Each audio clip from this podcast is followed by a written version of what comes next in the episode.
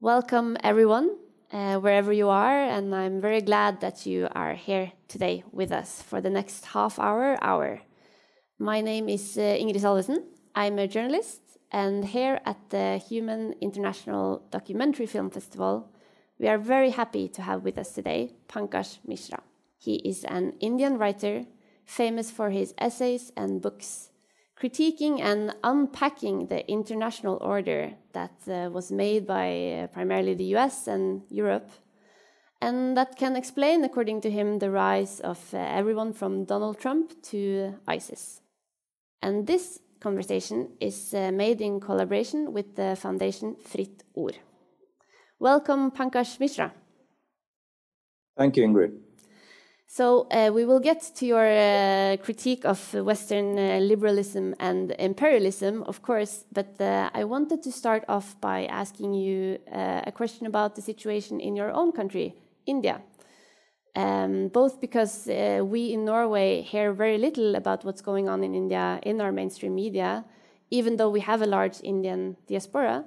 But also because, as you have shown in your writing, what's happening in India has many parallels to what's happening in the US and Europe, and maybe even has some of its roots in what's been happening in the US and Europe. And, and right now, there is uh, what has been called the world's largest general strike in India. Farmers are protesting uh, proposed liberalization of the agriculture sector. And you also have this uh, big rise in the Hindu nationalist movement that's been going on for, for a couple of years. And so I wanted to hear your views on how would you describe the situation in India now and, and also whether it can tell us something about, you know, large globalized uh, trends. Thank you. Um, well, I mean, broadly speaking, the situation here is very grim. Um, you know, the prospects for civil liberties, in, in particular, are um, extremely, extremely bleak. Uh, a lot of people have been put into prison, journalists, writers, uh, even people commenting on Facebook on, say, the issue of the farmer strikes or protests have been taken into custody. Um, obviously, this is against a background of more than six years now of uh, rule by a far right political formation, a political movement that draws inspiration from European um, fascist movements of the 1920s and 30s. Very explicit um, inspiration uh, from from people like uh, Mussolini and Hitler. So I think uh, when we consider when we look at India today, we're looking at a very broad sweep of history, not just Indian history, but also European history. And one reason why I and many others have consistently argued that we cannot look at events in India in isolation from everything else that is happening in the world today, uh, whether we're speaking of far right consolidation, whether we're speaking of terrorism, uh, whether we're speaking of uh, economic inequality. And I think uh, the last few years have shown um, how we cannot actually uh, look at these countries in isolation. That what happened in India in 2014 with the election of Narendra Modi as the prime minister, prime minister and uh, a, a, large mandate given by the electorate to a far right uh, political formation. Soon, that political earthquake um, was then witnessed in other parts of the world uh, most prominently in the United States, uh, also in, in, in, parts of Europe. And many of the underlying causes were the same rising inequality, politicians uh, having failed to deliver on their promises of economic growth or greater equality, turning to the language of identity, civilization, racial ethnic supremacism, and finding many, many takers for uh, their particular rhetoric. So, you know, now, of course, uh, we can observe much more clearly the synergy between far right movements all around the world, the similarities in their rhetoric. You know, back, back, back when in 2014, when I was trying to write about this, I was mocked for trying to compare India with what was happening in Europe and America I was mocked for trying to say that, look, uh, these people who are joining Islamic State, the young men, Uh, these are people that have been found historically in very different parts of the world, have very little to do with religion or a particular region or a particular culture. Uh, this is the kind of phenomena thrown up uh, wherever uh, there is a large reservoir of dis- disaffection, wherever there are large numbers of young men who are being slowly radicalized. And now we see that happening in countries like the United States. So now we have a better understanding of uh, what white supremacist movements and militant Islamic movements have in common. And your two latest books, uh, Age of Anger and Bland Fanatics, really tries to explain what you're now getting into. You know how how a culture and an economic and political system uh, made in the West has uh, created a lot of anger and feelings of powerlessness and and deep inequality in, in different countries around the world.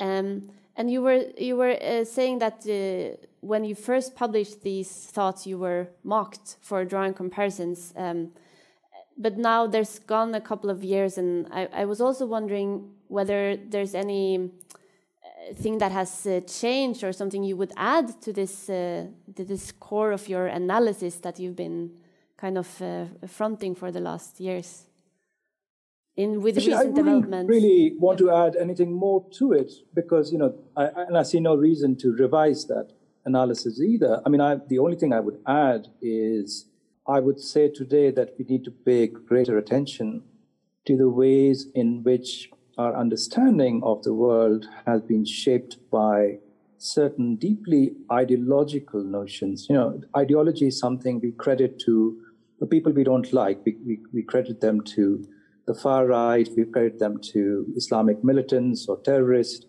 Uh, we never pause to examine uh, the ways in which uh, our own thinking is deeply ideological. The thinking that goes into editorials in the New York Times or the Economist or the Financial Times, the so called mainstream periodicals, mainstream magazines, how they themselves have a, an extremely ideological way of looking at the world. By which I mean that so much investments in these magazines and in general in Anglo American or Euro American ways of looking at the world, so much invest in, investment has been put in creating artificial oppositions, binaries, the West versus the East, the free world versus authoritarianism versus Islamic fundamentalism. And I think the reason why these oppositions were made in the first instance. I think you know a lot of these oppositions actually emerged during the Cold War uh, when there was an antagonist, and it was in, in you know in a certain way important to define yourself as what you were not, and you were obviously not you know uh, a totalitarian regime or an anti-democratic regime. But I think what that kind of uh, self-presentation during the Cold War has resulted in is a kind of willful blindness about Europe's own past, uh, the past that consists of not only of fascism, that's very easy to invoke, but also of deep inequality, of terrorism, of people uh, rushing to far right movements and personalities. Uh, it also obscures the past of slavery and imperialism, of racial oppression. You know, today young people in America are discovering this as though for the first time. You have to ask, why was this kept a secret for such a long time? You know, young people are outraged. Like, how can this happen? How can a, a, a young black guy be killed in broad daylight and his, his, his murderers, the perpetrators of that murder, uh, not just this particular incident, but in the past as well, very little has happened to them. Uh, there's very little justice for the victims of racial oppression. So when you start asking those questions, then you have to ask, well, you know, why is it that we have not been sufficiently educated in these historical facts, the facts of slavery, the facts of imperialism? So, what I'm trying to say is that the whole endeavor to present the West, the white European and American West, as, a, as custodians of civilization, as leaders of the free world, I think that has really resulted in a, in a, in a very partial picture of the world today, of the past, uh, of history. Um, and I think that actually has created a lot of confusion in people's minds. And you know, one reason why when someone like me comes along and, and tries to say, look, you had terrorists in, in, in late 19th century Europe, uh, and, and they were assassinating heads of state, they were blowing up bombs in, in, in, public places, attacking cafes, restaurants, uh, processions. Um, those terrorists travel all over the world. They were all often found in immigrant communities. You know, this is this history is out all there. There's nothing unique or distinctive about terrorism that we've seen in, in, in, Europe and America in the last 15, 20 years. Yet, so much investment was made in the idea that it's Islam that produces this kind of terrorism. And so we should study Islam. We should try and bring moderation to Islam, to Islam, Muslim countries. Uh, this is just one example of the incredibly skewed, even incredibly stupid way of thinking about an issue like like like like terrorism. So you know, as I said, people like us who were making uh, these arguments were mocked back then. Now, after four traumatic years of Donald Trump, of white supremacism, of uh, you know uh, all kinds of craziness that we used to credit to Muslim countries or to Muslim young men erupting right in the heart of the modern West. I think people are much more chastened. Uh, they're much, much more careful in their analysis. So I see no reason to take back or to refine anything I've been saying in the past because, you know, so much of what I've been saying has been actually vindicated by uh, uh, uh recent events. And you see also that people are starting to question this more. I mean, we've had the rise of the Black Lives Matter movement and also uh, demands of uh, decolonizing our, our current uh, understandings of the world or mainstream understandings in, in, in the West, as you were talking about now. And also in Norway, we had a big debate on decolonizing the curricula in universities, for example. And I wondered if you can help us to kind of um, unpack or explain what decolonization means in this sense and, and why it is important? I think, you know, it's an unfortunate word because it has a particular connotation, which is of, you know, uh, it, it, refers to the act of um, colonization. And, you know, there are countries where um, colonization or, or those countries were never major colonialist powers. So they are well entitled to ask, you know, what do we have to decolonize? I think um, you know a, a, much more neutral word should probably be used for what is really wanted right now, which is that we have to revise our ideas. A great correction or a great revision is is, is needed, and it's not just needed in Norway or Britain or United States or France. It is needed practically in every country I can think of. It's very much needed in in India, where uh, upper caste Hindus have created a vision of the world in which their dominance seems natural, a fact of nature, something that they are completely entitled to. Um, now, this is the case with ruling classes practically everywhere. You know, uh, in, in, in some cases, in some cases they happen to be white. In some cases, they have to happen to have brown skin, or they have black skin. In in, in many countries in, in in Africa, the point is that every ruling class creates a vision of the world, creates an ideology that legitimizes its rule. It's very simple. It's, it's, it's as simple as that. And it is challenged when enough people come up from below, whether member of uh, particular groups such as women or members of ethnic racial minorities, who think that their role in these visions of the world is being slighted, ignored, or even mocked um, in, as in the case of you know uh, uh, uh, racist ideas about um, American uh, supremacy or superiority. I mean, that, that's the kind of thing that is being challenged today. Uh, unfortunately, very late by the Black Lives Matter. But anyway, you know, let's welcome this. That this this this sort of this kind of discourse is now increasingly uh, embraced by more and more sections of the establishment. But you do have to ask, you know, why did it take such a long time? It is because ruling classes, the establishment, uh, and by which I mean not just the political class, but also the intelligentsia, uh, people writing for newspapers, journalists, editors, people in universities devising educational syllabuses, for not just for universities, but also for schools, you have a whole particular discourse which has legitimized the rule of specific groups in each of these societies. And today, that is being overwhelmingly challenged. Uh, in India, by low caste Hindus, by Dalits who are challenging upper caste versions of the world. In, in, in America, by African Americans who also want a place for themselves, not only in their society, but also in particular interpretations of the American past. Likewise, with ethnic racial minorities in a country like Britain, where they feel what they have learned at school in university simply does not acknowledge the role Britain played in many of the countries they came from. And there were many, many cases forced to come from those countries to the United Kingdom because those countries had been left in such a miserable state by British imperialists. So I think uh, we are all kind of in the process of a, what I would like to call a great correction or a great revision. Uh, we can call it decolonizing the syllabus, um, but I think you know we should probably use a much more neutral phrase for, for, for what is you know eminently desirable at this point.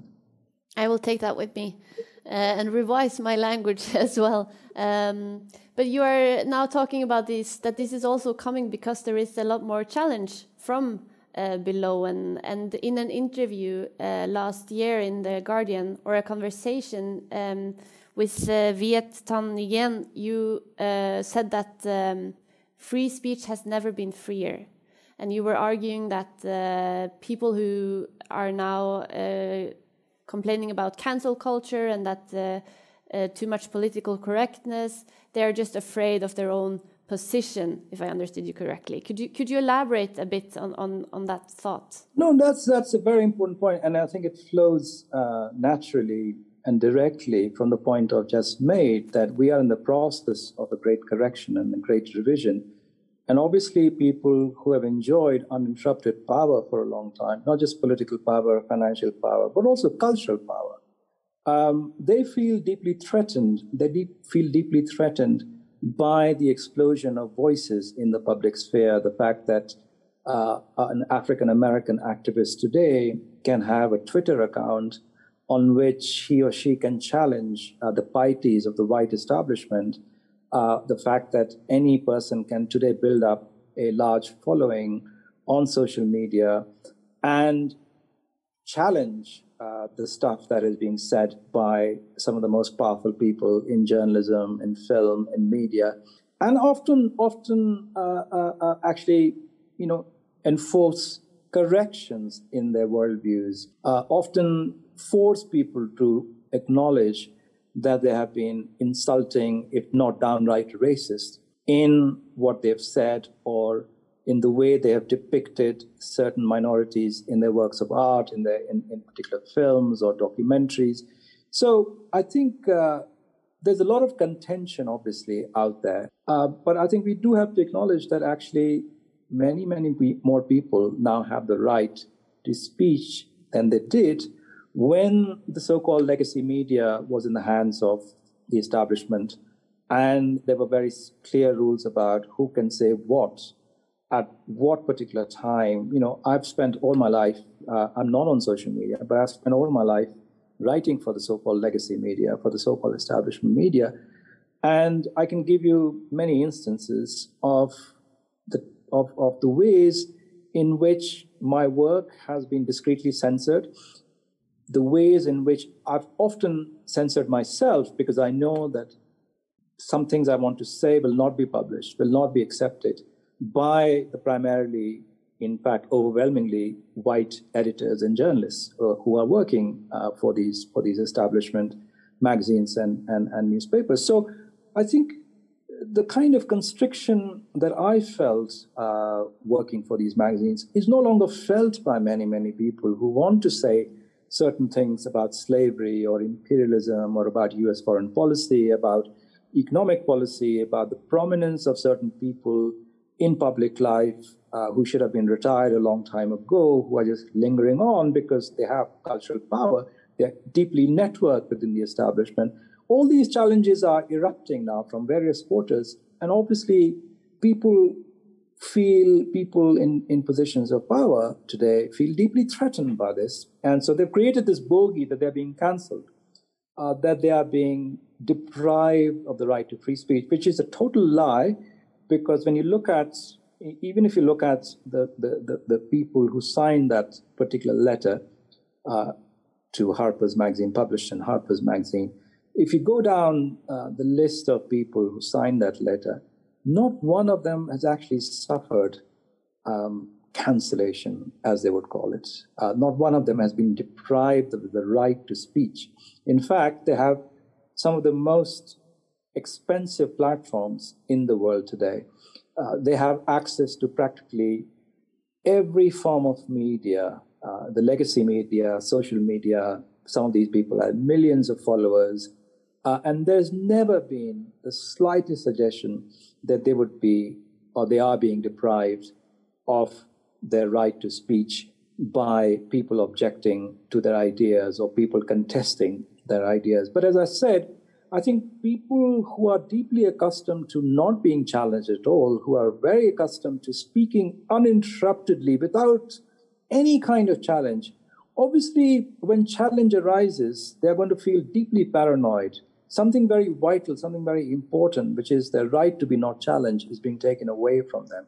And that's why we see this kind of hysterical response, uh, this invocation of words like woke, cancel culture, political correctness. All people are asking for is let's have a debate, let's have a larger discussion about many of these issues, uh, whether it's transgenders or whether it's imperialism, uh, slavery, and you know, as I say, people who are accustomed to having or, or listening to their own voices pontificate at length about these issues feel deeply threatened by the explosion of, of, of free speech. I mean, another aspect of, of these questions surrounding free speech is um, is the rise of social media and alternative media. And as you are now talking about, you know, it's given voice to many voices that haven't had uh, any platform before that are important, but it's also given rise to uh, digital misinformation and um, uh, and fake news. You know, these um, developments that are also uh, can be dangerous. You've seen them uh, result into the storming of the U.S. Congress or or vigilant mobs in your own country. Um, and I'm wondering, um, you know, is this something that we just is a pay a price to pay, or we are now talking a lot about how to regulate the platform companies, the internet, to to hinder this. But uh, but what what is your take on on on this? Uh... Well, I mean, I think you know people have been writing right from the early 20th century onwards. Uh, uh I, I think Heidegger was the first uh, major philosopher to focus on this issue of technology and what technology does uh, in the, the, ways in which human beings can become enslaved to uh, modes of technology that they think they can use wisely to control the world, to master the world, but they end up being controlled by that particular technology. And I think, you know, social media in many cases is just another technological fact that, in a way, has overwhelmed really our capacity to understand the world, master the world, and has become the source of disinformation. But, you know, again, I think the answer is not to ban social media. The answer is not to do away with this technology whatsoever, because it has also brought with it uh, several benefits. And, you know, again, I think it's, it's simply impossible to do away with it at this point. So I think, you know, then is the question of regulation uh, how do we um, basically prevent fake news from circulating in the way it does uh, and damaging democracies which need a degree of consensus, which need a, a, a, you know large numbers of people agreeing upon certain facts. Now these are you know questions deeply complicated, and I think you know in a way because they have such a bearing on the on on the health of our democracies, they need to be urgently discussed.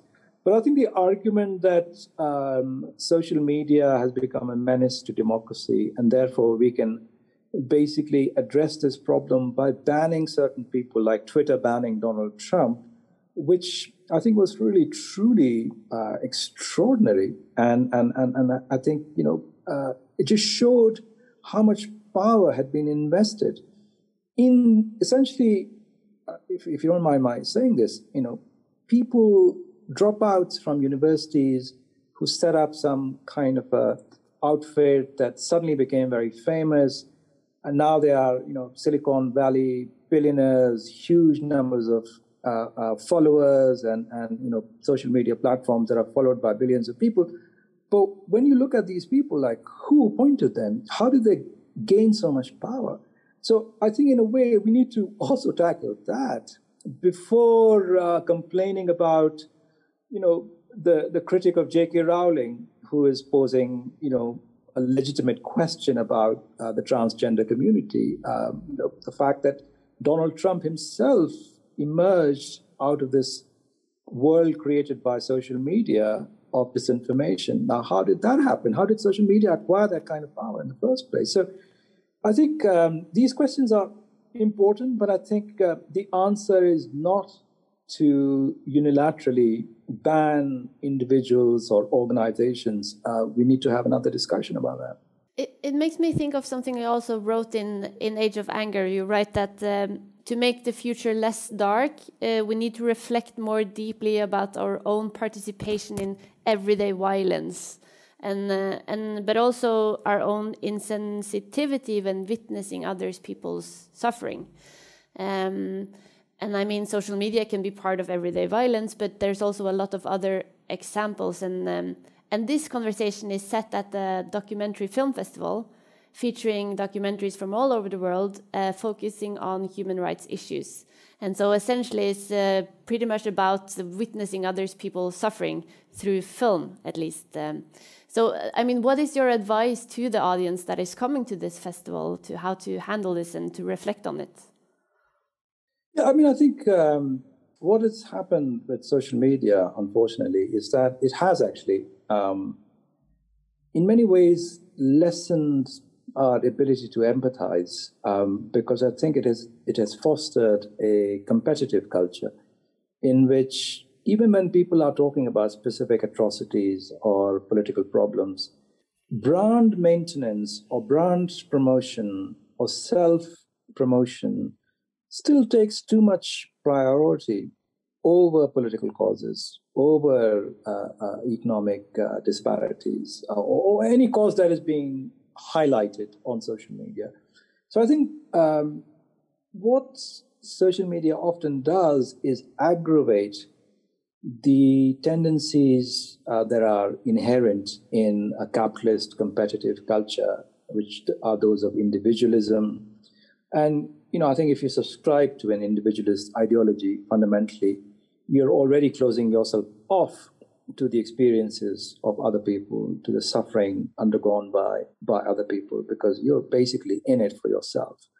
And you think of the world as essentially a jungle where everyone has to struggle in order to succeed, and also, most importantly, to undermine other competitors and rivals. So I think uh, these kinds of um, essentially competitive and, and, and sort of consumerist cultures have overwhelmed large parts of the social of, of social media. So I think our older experience of watching a film or reading a book and then extending empathy through that process to the victims of violence, to the victims of, of, of, of suffering, that experience has been somewhat short circuited. So I think, in, in, in one sense, the older forms of media, whether it's reading or whether it's watching films, it's still the best way to connect to the experiences, to the fates of people we don't know, people we have never met, but with whom we are obviously very, very deeply, deeply connected.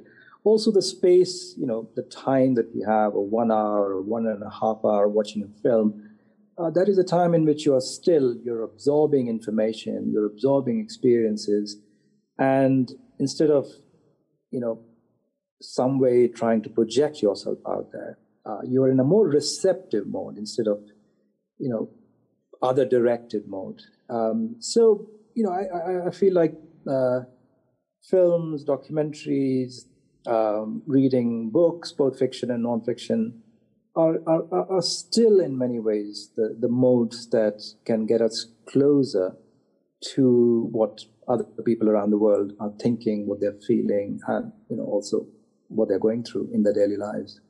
While I'm uh, asking you for advice, here's another question for you, because uh, we are here in Oslo, and um, and I mean Scandinavia and the Nordics are usually internationally, you know, labeled as a socialist paradise or or hell, depending on who you uh, talk to. But um, I mean, our welfare is also deeply embedded in in this um, international Western order uh, that has made and unmade the world. And and uh, I was wondering, where do you see any role of the Nordic countries to play? If we have any role, like what what what should our countries and our governments and our people do in this mess? Well, I, think Nordic countries with their um, social welfare states um, you know, today many people in America are invoking the Nordic states and say, okay, if we, if we can't have socialism, at least we can have states that are responsive to the suffering of ordinary citizens. At least we can have states in which we can trust instead of the shambolic state that we have got, uh, which has, you know, caused um, uh, indirectly at least the deaths of half a million Americans today. So, you know, I think um, Nordic countries with their particular social and political structures have a lot of lessons to offer to the rest of the world. You know, most importantly, in how to construct, create a state that is deeply responsive to its citizens, that is simply not a mode of exerting power. Uh, right now, in, in, in much of the rest of the world, we are trapped in this binary between, and it's an artificial binary again, between democracy and authoritarianism. Um, what we really need to think again, and I think the pandemic has focused all our minds on this on this question. It's like, all right, you know, let's not worry too much at this stage about democracy or authoritarianism. Let's think about are these states capable of dealing with public health emergencies of the kind that we witnessed in the last year or so? Uh, are these states willing to help people who are unemployed, who lose their jobs? uh, do they have the kind of capacity that they that they need uh, to perform those tasks? How do we build those kinds of capacities? So I think, you know, today uh, uh the experience of Nordic states of the last few decades is is more important uh, than than than than ever before, and I think you know. In, in, in the, the rest of the world could do very well to learn from the experiences of these of these countries today we should colonize all the other countries and force our system upon them. No, I'm just uh, joking. Of course not. but um, in the end of Bland Fanatics, your latest book, you do write that, um, uh, quote, ethno nationalism in India and criminally inept autocrats in Britain and America have bluntly clarified that liberal democracy is not what we have, at least not yet. Which made me curious to think you know, uh, do you think that there actually can be real liberal democracy? And if so, what would it look like? What are we? What should we fight for or towards? Yeah, I think you know, democracy is a promise of equality. Um, you know, it's not enough to have uh, elections every four or five years or so. We have them in India. Uh, we've had them pretty consistently over the last um, seven decades. But equality democracy is still a remote goal, uh, and we are nowhere near it. In fact, we've been pushed further away from it. Um, so I think if we think of democracy in terms of the equality and dignity of individuals, then we are, you know, beginning to understand really, you know, how we can get there, what kind of economic system we should have uh, what kind of taxation regimes we should have, uh, what kind of you know, models of economic growth that are environmentally sustainable we should have. Um, simply asserting that you've got democracy because the Soviet Union is communist or because China is authoritarian uh, doesn't really get you anywhere. And, and, and in, in, many ways, that is the rhetorical maneuver uh, many people in the West have been engaged in in the last uh, six or seven decades simply asserting that we are democratic uh, because we have elections every year and so on and so forth, no matter, you know, half the population, half the electorate in America didn't even bother to vote uh, for much of these um, seven decades. Um, but you know the fact that you have these representatives, these congresses, and state legislatures, so you can have the appearance of a formal democracy um, without at the same time realizing the fundamental uh, goals of, of, of, of democracy. And, and I think you know uh, right now many many more people are actually aware, which is an unprecedented moment really uh, in our own lifetimes and in the lifetimes even of our parents. Um, many, many more people are aware that there is a huge gap between who we think we are and what we actually are, and that we need to narrow that gap. Uh, and so we need to struggle, we need to strive, and that in that in itself is, is is hugely important. It's an achievement, really. You know, something to build upon. Because as long as you sit there complacent like many people in, uh, in an older generation did, is that democracy is something achieved, it's been realized. Uh, it only needs to be fine tuned here and there. Um, you know, you end up with, with the situation you've ended up in places like uh, Britain and, and, and the United States. Um, whereas if you energize people uh, into thinking, actually, you know, there are goals, and this is something that's driving Black Lives Matter, you know, that there are these goals of democracy in America that have not been realized, and we are going to realize those goals. So you involve many, many more people. You energize, especially young people. You bring new energy into politics, and you know this becomes a way of being in the world, uh, being engaged with it, as opposed to simply congratulating yourself that you've got it. You know, you've got it all. With those words, uh, I thank you so much for uh, uh, being with us today and uh, hopefully energizing more people and uh, and um, helping people be more involved. Watching documentary films, as you say, is one way of doing that, um, but also learning from people like you. So thank you so much for uh, sharing thank with us. Thank you very much, Ingrid. I very much wish I was there to watch the films we know COVID will once uh, be over. We hope, at least.